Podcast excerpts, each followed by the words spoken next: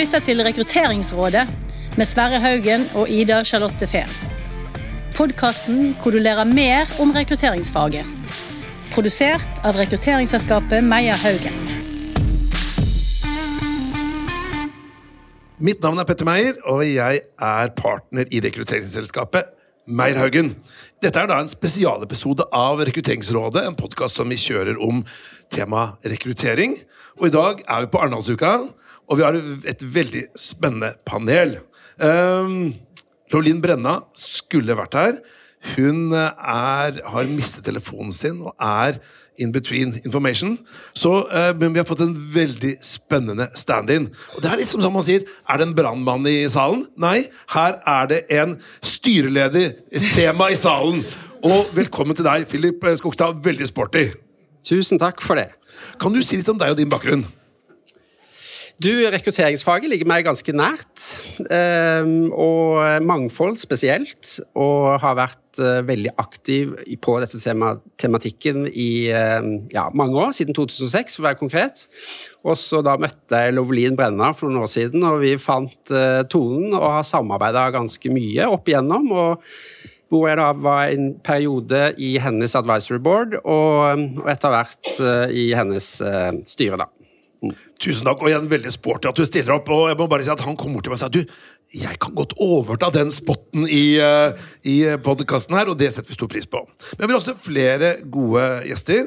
Da har vi da uh, Tonje Jensen, du er konserndirektør for Folk og bærekraft i Mesta. Velkommen, Tonje. Takk. Og jeg må bare si med en gang at vi har vært kollegaer i Norges Bank, uh, så da er den bindingen oppe i, opp i lyset. Kan ikke du si litt om deg og din bakgrunn, Tonje? Jo, eh, nå jobber jeg jo i bygg og anlegg, så sånn så kan du si at jeg er litt sånn mangfoldig profil inn der, da. Men eh, jeg er økonom i bunn, og så har jeg jobbet for mange ulike bransjer. Så jeg har vært i Norges Bank, som du nevnte, vært konsulent eh, en stund. Statkraft, Circle K, og nå bygg og anlegg i Vesta. Allsidig, allsidig person. Og så har vi en gammel favoritt, eh, Sverre Haugen, som er da Haugen i Meierhaugen. Eh, Sverre, si litt om deg og din bakgrunn. Ja, jeg, jeg er en raring. Egentlig, det er kort, Jo, jo, kort det er versjon. greit. Det er greit. Men det var sånn, jeg, jeg kommer fra et bitte liten sted som sannsynligvis ingen av dere har hørt om, som heter Arabygdi. Er det noen som har hørt om det? Opp med en hånd. Ja, da, faktisk to! Det er mer enn vanlig. Vanligvis må jeg ha 200 i salen for at én har hørt om Arabygdi. Men jeg var en raring i Arabygdi fordi jeg var ikke så interessert i moped og scooter og, og sånn bil og sånn som de andre var. Så da jeg var 16, så flytta jeg til Oslo, for jeg snakka også bokmål, eller bymål, som de sa. Så jeg flytta til Oslo for å være litt mer som alle andre, men da ble jeg bonde i byen.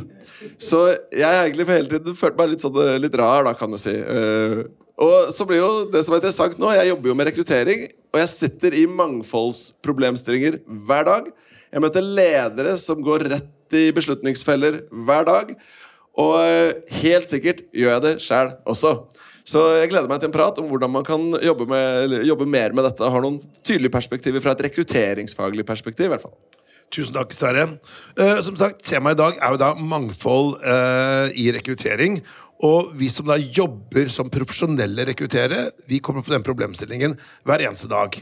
Men så er det liksom ok, Hva er mangfold? Og en kjapp intro her, det var at vi skulle eh, svare på et, et anbud fra en offentlig aktør, stor offentlig aktør.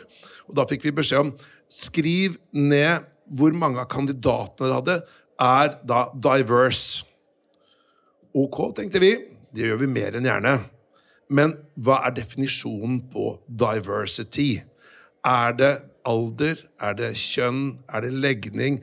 Etnisitet? Hva er det for noe? Så spurte vi da eh, denne bedriften om det, og det ville de ikke svare på.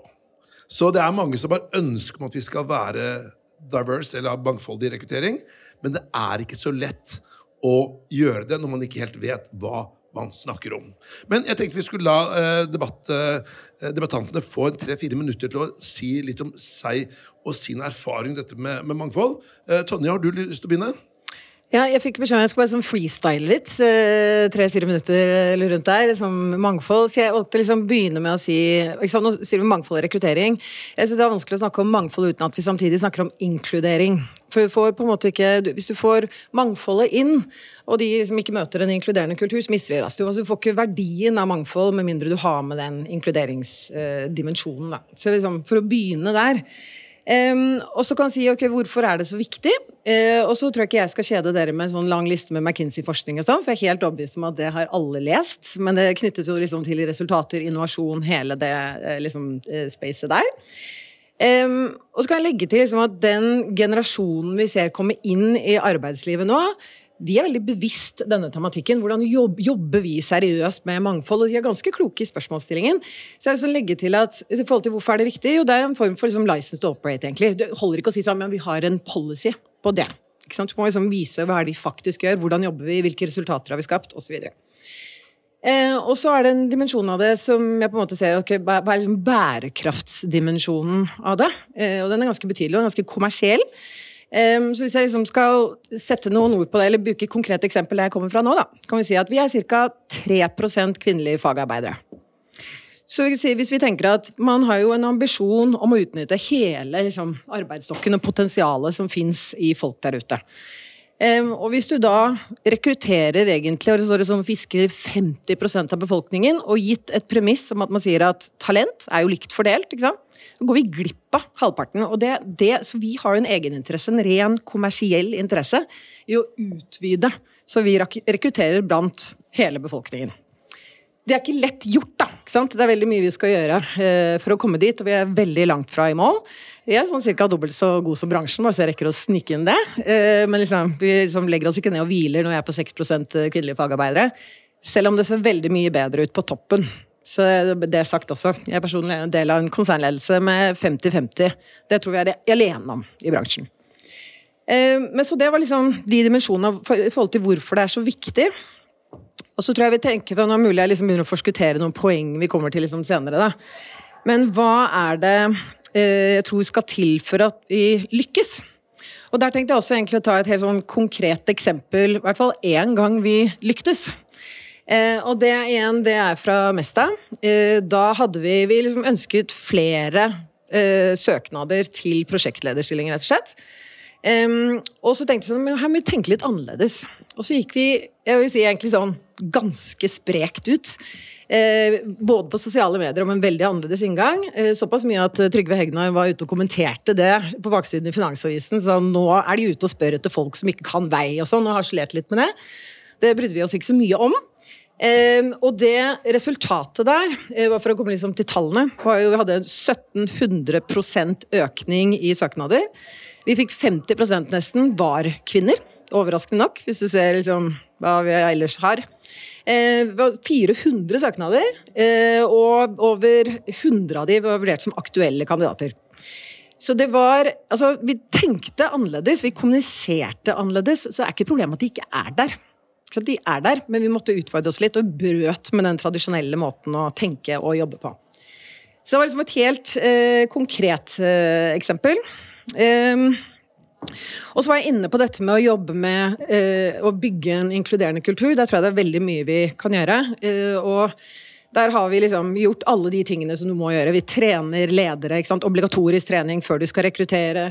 Vi har mangfoldssertifisert flere i konsernledelsen. Jobbet veldig nøye med stillingsannonsene våre. Alle de tingene der.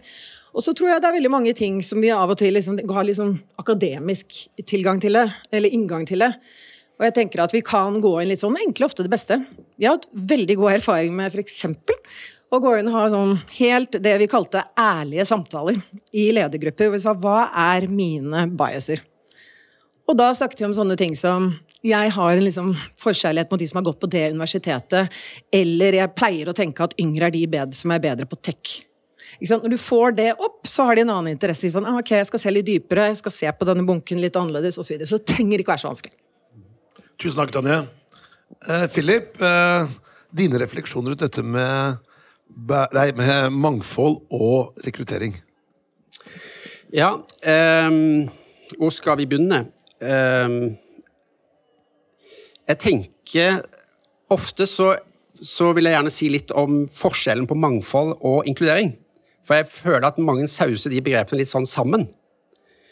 Uh, I hvert fall sånn som vi har definert det, så er inkludering en, et begrep som belyser mulighetene til å kunne delta.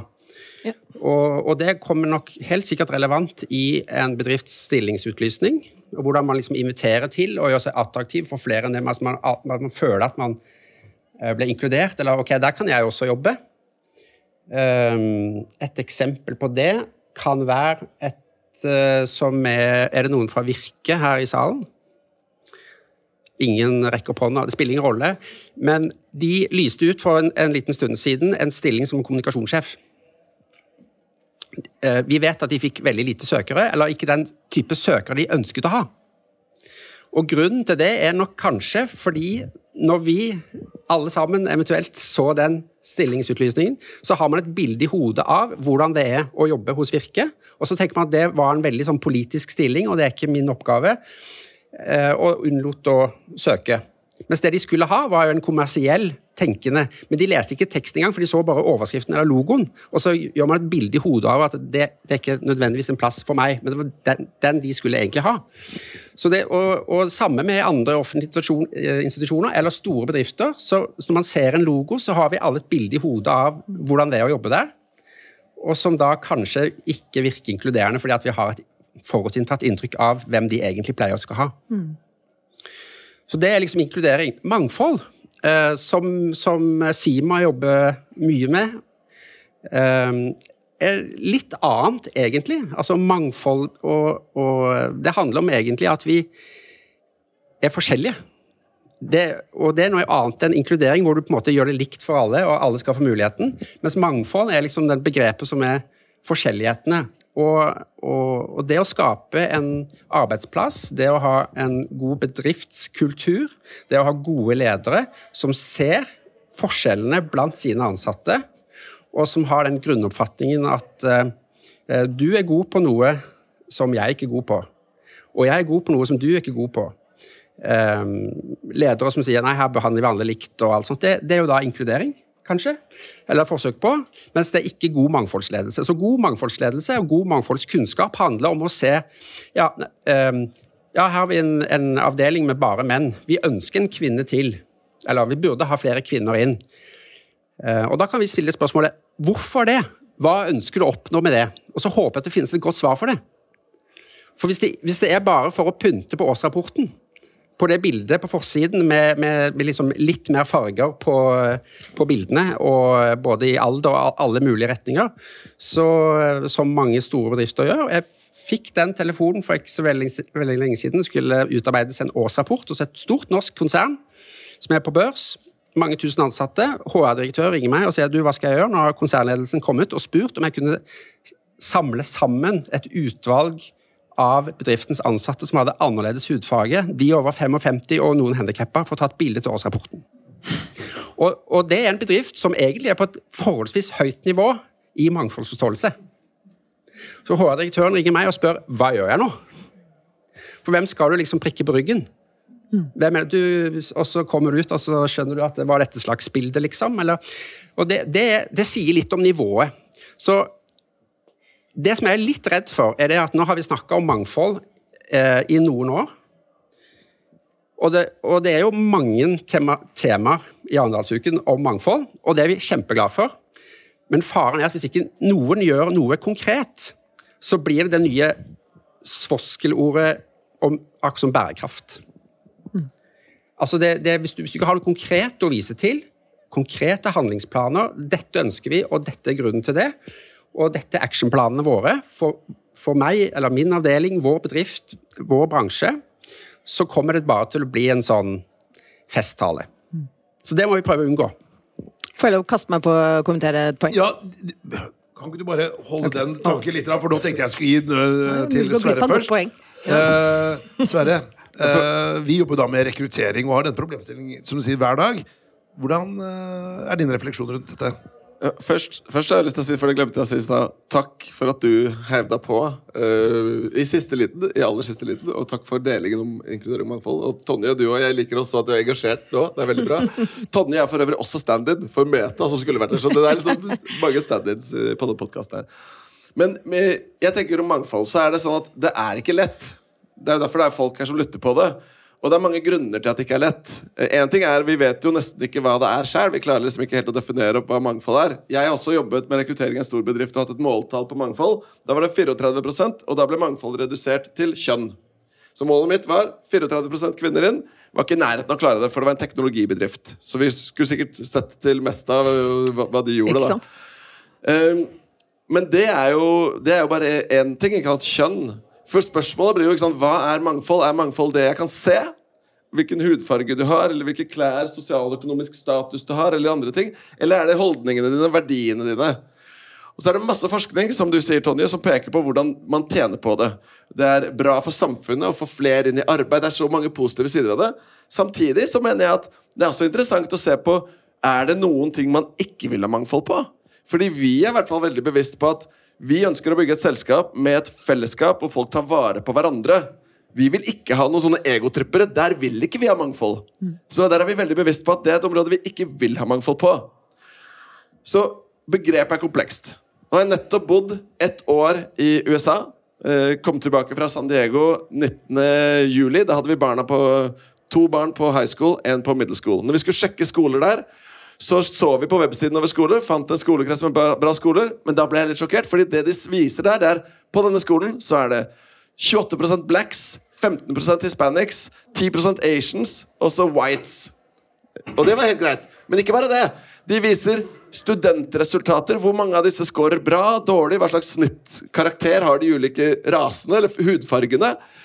Og hva slags sosioøkonomisk status, hva slags engelskkunnskap. Så det er en helt annen holdning til å snakke om dette med hudfarge og mangfold osv. Mens vi tør jo nesten ikke snakke om det. Og nå er det til og med litt vanskelig å snakke om kjønn. Sånn at det er ganske enkelt innmari komplekst. Det vi møter dag til dag, det er jo disse ubevisste biasene. Og det gjelder hvite menn som pusher 50, som har bestemt seg for hva slags type profiler de vil ha. Men Du det så gjelder- på meg nå. Nei, jeg så faktisk på speilet. Men det gjelder også, og dette er veldig viktig, det gjelder også kvinner som er opptatt av mangfoldsrekruttering, som ikke har lyst på den der litt aldrende pensjonisten som har masse erfaring fra som HR-direktør, for han er jo overkvalifisert. Så går de akkurat i samme fella, fordi bias er ubevisst. Og det er veldig, veldig viktig. Nå har vi en stor begivenhet på gang her. Petter, nå har vi Lovelin i døra her. Ja, altså Til dere som er både i salen og hører på podkasten, så har vi en person som har, eh, kommer inn litt fra siden her. Og uh, Lovelin, dette er veldig bra podkast teknisk. Kan ikke du komme her og så kan du fortelle litt om, eh, om deg og ditt? Ja, takk. Beklager. Men eh, nei, ikke nå. Ja, Lovlin, velkommen. Eh, vi har fått en stand-in fra, fra Simon. Uh, fra, på introduksjonen her. Men uh, det var jo deg vi hadde lyst til å høre på, da. Så kan ikke du bare si litt om deg og din bakgrunn? Også, så, hvordan tenker du på dette med mangfold, og spesielt mangfold og rekruttering? Ja. Um, Lovlin Rihel Brønna, forsinket, men er her nå. 100 Elsker dere alle sammen. Takk for at dere venta. Um, mangfold. For det første, når vi snakker om mangfold, så er det viktig å definere hvilke typer mangfold trenger vi. Hvem er våre kunder? Hvem er våre samarbeidspartnere? Hvem er våre konkurrenter? Og hvilken type mangfold mangler vi i organisasjonen i dag, slik at vi kan sette sammen gode team og oppnå de resultatene bedriften skal oppnå. Så, så mangfold, definisjonen kan variere fra organisasjon til organisasjon og fra avdeling til avdeling. En annen ting, nå skal jeg bare være veldig kort, det er alle dere utgjør et mangfold. Alle vi som står her utgjør et mangfold. Så mangfold er normaltilstanden pga. ulik alder, ulik kjønn, ulik fagkompetanse, ulik arbeidserfaring, livserfaring osv. Men i det øyeblikket du ansetter en person eller får en kollega med en annen etnisk, en annen kulturell bakgrunn, en annen seksuell orientering, en annen eh, nedsatt funksjonsgrad, kvinne i et mannsdominert miljø, menn i kvinnedominert miljø, senior blant unge Det er ikke da mangfoldet oppstår, men da blir spennvidden i mangfoldet utvidet. Så når vi skal rekruttere, så må vi vite hva er det vi rekrutterer mangfoldet inn i? Og hvordan skal den, det teamet da utløse potensialet i mangfoldet? Jeg vet ikke det det, om det var det du ville ha, men eh, det er det jeg har å gi. Jeg syns det var en fin eh, presisering. Jeg. Tonje holder på å hoppe til oss gå sin her nå. Ja, Vi er- Men nå vi kom det litt sånn samme poenget, så jeg da kan jeg kaste meg inn på det jeg hadde lyst til å si i stad. Altså, eh, jeg synes det er et viktig poeng det du er innom. ikke sant? Hva er det vi trenger det mangfold til? Hvor, hvor er det det skal virke, og hva er det det skal få til? Så jeg tenker bare sånn For å igjen ta inn et konkret eksempel der. Dette er fra Circle K-tiden. Men et, eh, der blant annet så man på det at ute på stasjon, sant, hvis du tenker hele Norge, så har vi veldig vi, De har veldig variert kundemasse. Det representerer alle kulturer og alle matpreferanser. Og da er det selvfølgelig sånn at ja, da, hvis vi ikke, de ikke speiler det på innsiden på kontoret, de som lager mattilbudene, så de forstår det, da treffer man heller ikke på kunden. Så de var veldig bevisst rundt at vi trenger mer variasjon på da etnisitetssiden og ulike kulturer inn, nettopp pga. det. Så det er det kommersielle aspektet i det. Sverre. Og så tenker jeg at en av grunnene til liksom hvorfor dette er vanskelig, er jo også hvordan man ser på det. Eh, nå har vi, vi snakket litt om hvordan man kan forenkle det ned, sånn som da jeg hadde metrics på antall kvinner inn. ikke sant? Vi gjorde en undersøkelse for noen år siden hvor vi spør da 600 menn og kvinner om altså 300 av hver, om en del ting knyttet til kjønn og næringsliv. Eksempel, mener du at det er viktigere at det kommer flere menn inn i omsorg? Mener du at det er viktig at det kommer flere kvinner inn i teknologiyrker? Eller hvorfor er det sånn at toppleder, flere toppledere er menn? Eh, og så hadde man ulike forklaringsting man kunne velge blant, og så splittet vi svarene mellom det kvinner sa, og det menn sa. Det vi ser da, er jo ikke fasiten på hva som faktisk er tilfellet, om det er viktig, eller om hvorfor det er flere mannlige toppledere, men vi ser hvordan forklarer kvinner denne problematikken versus menn. Og realiteten er at det er store forskjeller på hvordan man forklarer det. Kvinner generelt sett var mer opptatt av å få flere kvinner inn i, i i eh, teknologi eh, og flere menn i omsorg, men er ikke så nøye. Ikke så opptatt av det i snitt. Og det er klart, det er bare på kjønn. Samme problemstillingen vil du se på andre mangfoldsaspekter, da, hvor, hvor det egentlig handler om eh, at man har ulike perspektiver på det. Så jeg tror nok det der perspektivet på hva er verdien av mangfold, eh, og hva er mangfold, hva slags mangfold skal man ha, det tror jeg er superviktig for å skape en felles forståelse. da. Bra. Roblin. Ja. Jeg tenker mangfoldet blir det vi inviterer mangfoldet inn i. Og så er det ledelse som er kjempeviktig. Altså, Jeg kan godt begynne i en organisasjon, og min leder, eh, la oss si dessverre, tikker av kvinne, en annen etnisk bakgrunn, 50 pluss, så har vi tikket av i hvert fall tre bokser. Men vi jobber sånn som vi alltid har gjort. Da er det egentlig bare det du gjør. Du tallfester mangfoldet. Da kommer ikke verdien ut, annet enn at det sikrer representasjon. Og jeg tror at den utfordringen er at eh, både når vi rekrutterer, når vi jobber med mangfold, folk blander sammen representasjonslogikken med verdiskaping og innovasjonslogikken. Og det er to vidt forskjellige logikker. Så hvis vi skal tenke business, bunnlinje, økt kundeforståelse, økt eh, effektivitet, bedre tjenesteutvikling, så må vi ha verdiskapingslogikken først. Og så ved å tenke det, så vil du automatisk kunne tikke av på de andre. Fordi du vet at du kan ikke bare For det første så kan vi ikke skille mellom kvinner og mangfold. Du kan ikke si at først må vi jobbe med kjønnsbalansen, sånn som mange gjør, og det er hvite kvinner og menn. Og så blir sånne som er mangfoldet. Altså, jeg er jo også en kvinne. Jeg har også en alder. Så den dagen vi klarer å se hele mennesket, så vil vi gå den rette veien. Den mest diskriminerende logikken er å skille mellom likestilling, tokjønnsmodellen og mangfold. Var det svar på det du spurte om? Jeg vet ikke. Ja. I hvert fall når man da sitter i en, en um, situasjon da, som rekrutterende leder. Og så tror jeg eller for å si på den måten Jeg har vært gjennom mange tusen rekrutteringsprosesser. Jeg holdt på med det der i 25 år. Og jeg husker Det er bare én gang jeg har opplevd at den rekrutterende lederen sier Du, jeg vil helst ha en mann. Det har skjedd én gang av Det- mange tusen prosesser. De fleste gangene så sier de 'jeg vil helst ha en kvinne'. Og, men de aller fleste ganger sier de det er helt indifferent på det med kjønn. Vi vil ha den beste kandidaten, uavhengig alder, kjønn, bakgrunn. Så ehm, den, uh, hva skal jeg si, diskrimineringen vi opplever som uh, rekrutterere, er i mye større grad på dette med alder. Det ser vi i jeg skal ikke si alle prosesser, men i hvert fall halvparten av prosessene, hvor de da tenker nei, vi heller ha en liksom ung, sulten, fremadstormende person, og kanskje i mindre grad ha en person som er eh, godt voksen, for å si det på den måten.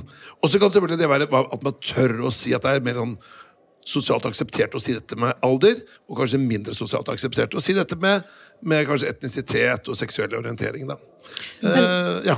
Men, altså, jeg er enig i det du sier, og de færreste vil jo si eh, noe, altså sier de rette tingene. Men samtidig så vet vi jo at man har en tendens til å rekruttere seg selv. Og, men altså, når vi bare ser på statistikken og hva World Economic Forum sier hva det skal ta nå, 118 år eller et eller annet sånt nå, tror jeg er siste tallet jeg sa, før vi liksom oppstår likestilling mellom kjønnene. Så jeg, jeg tror det er noe liksom hardere skyts som må til verks i en overgangsfase, da. Eh, bare for å henge den poeng. Men eh, jeg må bare spørre før, før jeg svarer på hva jeg tenker om det, Petter. Er det sånn at vi skal gi tips på slutten av podkasten? Jeg tenkte vi tar en runde da på tampen. Liksom, sånn, sant, tips til de som sitter med, med rekrutteringer. Hvordan kan man bli bedre på at vi på en måte destillerer det litt av? da Så, Men du må gjerne si gode tips nå også, Sverre. Nei, for jeg må huske jeg må ha noe igjen til slutt. Ja, ja, ja, krutt, ja, ja. krutt, krutt igjen til slutt. Eh, hva, hva var egentlig, hva var egentlig Jo, du snakket om hvordan få ledere sier sånn og sånn, men du opplever likevel noen biases. Jeg, min opplevelse er nok litt oftere enn din. eh, at det er ganske ofte at ledere har et veldig tydelig mening om hva de ønsker av kjønn, spesielt. Det er veldig sjelden, jeg tror jeg aldri har vært med på, at noen sier at jeg vil ha noen med en annen hudfarge eller uh, noen som er en annen legning. Det har jeg aldri blitt spurt om. Um, men på kjønn og sånn, så, så, så skjer det rett som det er. Det som ofte skjer, er de ubevisste biasene som, hvor vi ser det skje. Og særlig kanskje det aller mest Altså det begrepet som jeg tenker kobles aller best til bias, da, som er en del av det med, vi snakker om nå, det er overkvalifisert. Han eller hun er overkvalifisert. Det hører man jo rett som det er. Og hva gjør man da? Nei, man ansetter ikke. Fordi, fordi Hvorfor det? Jo, når du ansetter, så er du opptatt av tre ting. Du må klare jobben, du må bli lenge nok i jobben, og så må du passe inn i den kulturen. Hvis du er overkvalifisert, så er du eldre. Mindre sjanse for at du passer inn i kulturen. Du er uh, Du har gjort alt det her som du kan liksom alt innenfor HR, og så skal du gjøre en liten ting i HR. Du kommer til å kjede deg, du kommer til å slutte, ergo så tar jeg deg ikke inn. Så det er mange sånne ting, da.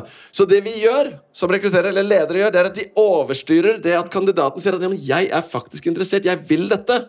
Så overstyrer vi det fordi vi tror vi vet bedre. Og det er den der praktiske biaset som man ser veldig, veldig ofte. da. Lolin. Ja, altså jeg ser også mange som har eh, nedsatt funksjonsgrad, en annen etnisk bakgrunn, er ofte overkvalifiserte. Ikke fordi de er voksne, men fordi de har tatt to mastergrader i vente om å få en jobb. Så de blir også diskriminert. Men jeg tenker, eh, hvis vi nå Og eh, vi møter mange ledere som er opptatt av å ansette unge. Kjempebra. Men når vi ser på demografien, da, så vil flere og flere i Norges befolkning eh, bli over 70, 70 år. Vi trenger seniorer. Vi trenger en god sammenblanding av aldersmangfold. Vi trenger god sammenblanding av eh, kjønn, etnisitet. Så vi trenger alt det mangfoldet vi kan få for å overleve. Så egentlig så tror jeg nok at de aller fleste som sier vi skal kun, eller først og fremst ansette unge, eh, unge som ligner på de som allerede er i systemet, så skyter de seg selv i foten. Eh, hvis vi skal klare å bli konkurransedyktige, for det første så er det mangel på arbeidskraft. Da må vi definere ikke mangfold, men mangfoldskompetanse. Hvilken kunnskap, innsikt, perspektiv skal vi ha inn i vår organisasjon for at vi skal være konkurransedyktige? Og så må vi også vite, fordi det vi ser i mange av de organisasjoner vi er inne i, så HR ønsker Toppledelsen ønsker økt mangfold. Men de som skal lede den nye, de sier Stig har sluttet, vi trenger en ny Stig. Da hjelper det ikke hva HR mener eller toppledelsen mener. Men hvis vi da skal se litt på eh, Det er mange måter, eller i hvert fall to hovedmåter, å tilnærme seg en sånn problemstilling på. Det ene er liksom pisk, og lande er gulrot. Eh, man har gjort at til kvinner i styret i offentlige bedrifter, så har man da gått til dette en kvote. Det skal være så og så mange kvinner. Eh, og, det bringer meg også til dette med, sånn, eh, dette med holdningsarbeid. For først så tror man jo at først så måtte man drive med holdningsarbeid, og så kom effekten etterpå. La oss si røykeslutt eller noe sånt. noe. Elbiler kunne være med på det. Men det har man funnet at det funker ikke. Du må først endre atferd, og så endrer du holdning. Det er ikke motsatt. Uh, en kjapp runde på det på panelet. Er det pisk eller gulrot? Er det holdning, eller er det påbud? Forbud? Begynner med Tonje først. Ja. Det er et godt spørsmål. Eh, lov å si litt av begge deler. eh, jeg si at eh, jeg syns det var litt befriende da jeg jobbet i en amerikansk kultur. De er ganske sånn knallharde på kopier, så de satte seg litt med målet det er her vi skal være. Og da var de sånn Da, når vi liksom får muligheter og vi får noen som sier opp, da skal det den inn Altså da var de rent kjønn eksempelvis, da innenfor liksom operations der. Det skjedde mye, og det endret mye. Også på liksom kultursiden og alt det som skjedde i kjølvannet av det. Så, og der var de knallharde. Refte piss, da. ikke sant? Leverte man ikke nedover i de ulike landene på de tallene de skulle ha, så var det oppfølging. Så det var en piss-dimensjon der. Eh, men jeg tror jo liksom grunnleggende på det med å jobbe, liksom finne de gode eksemplene, løfte fram de, inspirere flere, vise at det er mulig, snakke med de med skoene på, ikke minst, for å finne de mest virkningsfulle tiltakene som igjen påvirker kulda. Altså, jeg, jeg, tror jo på den delen. Så både òg. Ja. Sverre? Jeg tror også både òg. Jeg tror, jeg tror eh, det er en lang oppoverbakke å jobbe bare med holdningsarbeid og kompetanse. Det, jeg tror, Hvis du ser på sånn som kvotering inn i styrer, så, så, har jo det funket der. Så er det jo studier som viser at det ikke bobler nedover i organisasjonen, men, men det funker på det nivået. da, Så kanskje må man ha noe regulering på andre nivåer også. Eh, men eh, Hva var det jeg skulle si? Jo, når det kommer til sånn som kvotering, vi spør jo ledere om det, jeg har spurt om det mange, mange ganger. Ok, du har sagt du vil ha en kvinne, eller du har sagt du vil ha en mann. Hvis, hvordan skal vi gjøre dette? Vil du at jeg skal presentere flere av det ene eller flere av det andre? Eller, hva, hva, tenker du om kvotering, da? Og da er det jo veldig veldig få som sier at ja, men vi vil kvotere inn kvinner. De aller fleste sier nei, vi vil jo ikke kvotere, men det er klart hvis vi har to kandidater som er like gode, da kan vi velge den minoriteten, eller hva det nå er vi, vi ønsker, da. Problemstillingen med det, problemet med det igjen, det er også holdninger. Fordi vi snakker om dette som om rekruttering er en eksakt vitenskap. Hvor mange av dere i salen er det som jobber med rekruttering eller har gjort en rekrutteringsprosess? Opp en hånd. Ganske mange. Og vi her framme også, ikke sant? Da vet vi det, og det vet alle. Det helt naturlige det er å rangere kandidatene. Du, for du skal jo velge én! Og du vil jo velge den beste, og da rangerer du fra én til ti. Så tar du nummer én, for det er det tryggeste, beste valget. Problemet er at rekruttering er veldig lite presist. Vi bommer jo rett som det er. Så hvorfor skal vi liksom rangere én til ti? Det vi må begynne å tenke isteden, det er er du kvalifisert eller ikke inn til dette intervjuet? Og da kan man begynne å si nei, vi skal ikke kvotere sluttkandidaten, men vi skal kvotere inn et antall på shortlist. Og det er veldig viktig. For da kan du si ok, vi skal ha en balansert shortlist, og så kan du mm. velge blant dem, og da vil også sjansen øke for at du får et større mangfold. da. Mm. Lolin? Ja. Jeg tenker hvis vi klarer å koble den rekrutteringen til det folk blir målt på hver eneste dag, så trenger vi ikke holdningsskapende arbeid. Da blir det et krav. Jeg må rekruttere annen type kunnskap og kompetanse, fordi vi, skal, vi blir målt på det. Vi trenger bedre salg. Vi har en forretning i Oslo. Eh, I 2050 så vil over 50% av befolkningen i Oslo ha multikulturell bakgrunn. Hver femte innbygger vil være over 75, 70 år. Ja, da trenger vi mangfold. Så da trenger jeg Jeg har ikke behov for å snakke om holdninger, vi snakker om kritisk, businesskritisk rekruttering. Og så må vi gjøre dette. Den logikken må være så klar for alle de at dette har noe med leveransene mine og det jeg blir målt på hver eneste dag å gjøre. Så, så, jeg tror nok at de som føler at mangfold og likestillingsarbeid er noe ved siden av, sånn er politisk korrekt, eh, vi må jobbe med holdningsskapende arbeid, det er fordi at de ikke ser sammenheng mellom økt kjønnsbalanse og deres hverdagsleveranser. Og så finnes det ikke, så, vi, eh, så, langt vi kjenner til, at kvotering bidrar til økt verdiskaping. Og jeg tror at eh, ikke tror. Jeg ser noen av de eh, uttalelsene som kommer både fra politikere og andre. De sier ved å rekruttere kvinner, eller kvotere kvinner inn i styrerommet, så vil det bidra til økt verdiskaping. Da må vi vite hvilke verdier snakker vi om. For det fins ikke en sammenheng hvis ikke du har systemer, strukturer og ledelse på plass, og organisasjonskultur på plass så kommer det bare til å være en sjekkliste at vi har 40% Så for den som hver eneste dag blir målt på antall konsulenttimer du har levert, mye salg du har gjort, så er det egentlig hipp som happ om det er mann eller kvinne, hvis ikke du har klart å koble den rekrutteringsprosessen og de kravene til kjernevirksomheten. Så jeg tror jeg ville i hvert fall ha begynt der. Istedenfor holdningsskapende arbeid, så ville jeg ha tenkt logikken, konkurransen om kompetanse, redusere turnover, jeg tror de aller fleste som slutter, ikke bare tror, vi har jo systemer for det, men de aller fleste som slutter i en organisasjon, er ikke fordi de blir diskriminert, først og fremst, men fordi de ikke får brukt potensialet sitt. Da slutter de. Mm. Og det tror jeg er en risiko, hvis vi ikke ser det store bildet. Du, nå skal vi ta den uh, saken som Sverre sa i stad. At vi skal, uh, det skal komme ett tips om hvordan eh, man kan få større grad av mangfold i rekrutteringen. Um, og gi et tips da til folk som da jobber med rekruttering. Uh, et tips.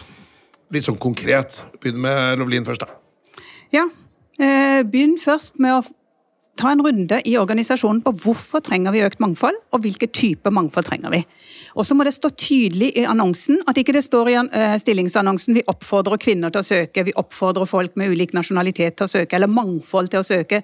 Og ikke bare kaste ut ordet mangfoldskompetanse, vi ønsker å rekruttere mangfoldskompetanse. Men skriv heller vi ser Norge i utvikling. Våre konkurrenter, våre kunder, har stort eh, mangfold. For å forstå kundene, for å utvikle organisasjonen, for å være relevant i fremtiden, så trenger vi deg, og så legger du inn. Men du må begrunne hvorfor vi skal rekruttere mangfold, på en slik måte at ikke det blir sånn at vi oppfordrer enkelte mangfoldstyper til å komme. Og så må de som sitter eh, i panelet og skal intervjue, også representere noe av det mangfoldet. Og så rigge organisasjonen sånn at vi bruker det potensialet. Men jeg vil, jeg vil søke en stilling hvor de sier vi vil rigge organisasjonen for å møte dagens og fremtidens krav til oss som organisasjon. Da søker jeg. Men hvis du sier vi oppfordrer minoritetskvinner til å søke jobben, det er ikke sikkert at noen gjør det, men så vil jeg ikke ha søkt. Fordi jeg vil bruke innsikt og kompetanse og være med på å gjøre en forskjell. Ja, Sverre, hva er ditt beste tips til de som jobber med rekruttering? Så hvis, øh, hvis jeg må begrense meg til ett, så vil jeg si følgende. Og det er øh, at man må stille krav til det som kalles altså shortlist. Det vil si liksom, denne listen over kandidater du skal vurdere inn til en stilling. Der er det studier som viser Hvis du ser på en eller annen, en eller annen minoritetsfaktor, da, enten det er legning eller farge eller hva det nå skulle være Hvis du har én minoritet, så er det en viss sjanse for at den minoriteten blir ansatt inn i, til stillingen. Hvis du har to, altså at du øker 100 flere, du øker til to, så øker sjansen for at du ansetter en minoritet med Jeg husker ikke farta om det er 48 eller 148, men det er enormt mye større sjanse for å ansette en minoritet. Så det betyr sant, av en shortlist som ofte er på 68 personer, da, å gå fra én til to har en enorm påvirkning på hvor mange du ansetter av den minoriteten. Så tipset er, når du skal rekruttere, eh, så må du enten stille krav til deg selv, hvis det er du som styrer prosessen, til HR, hvis det er HR som styrer prosessen, eller til sånne som oss, som leverer tjenester innenfor rekruttering, og si jeg forventer at det skal være en balansert liste med tanke på disse kompetansene eller kravene som du har definert opp. da. Bra. Tanje? Jeg er enig med det som er sagt, så prøv å ta en litt sånn annen inngang, da. Eh, Jeg vil liksom egentlig si tørre å ta litt modige og kanskje annerledes valg. Altså Det henger litt tilbake til at du, liksom, noe av poengene du var innom, Levlin, men at du begynner liksom å se på ok, hva er det jeg trenger i denne stillingen, og så utfordre deg selv på liksom, er jeg nå inne på det tradisjonelle sporet. ikke sant? Det Leif, eller hva du kalte det. Jeg skal ha Leif igjen. Eh, så, liksom. Og helt igjen konkret, da. Ikke sant? Jeg, jeg møtte en rekrutterer som eh, jeg tror han sa til meg sånn, han var veldig fascinert av liksom, hun som hadde blitt ansett som konsernsjef hos oss. En forretningsadvokat uten noe erfaring fra bygg og anlegg som gikk rett inn som konsernsjef. Og sa sånn Den så ikke jeg! Den så ikke jeg! Jeg skulle ønske jeg den som så den! Eh, og hvis du ser på liksom, historien til det selskapet i forhold til den turnaround-casen det er, eh, så er det ganske imponerende. Ikke tradisjonelt valg, men tør å tenke annerledes. Bra. Men da eh, ønsker jeg egentlig bare å si tusen takk for den debatten. Lykke til med videre med det viktige jobben de gjør, både Lovlin, Tonje og Sverre. Og så eh, får vi håpe at dette kan være et lite bidrag til økt refleksjon rundt dette temaet videre. Tusen takk.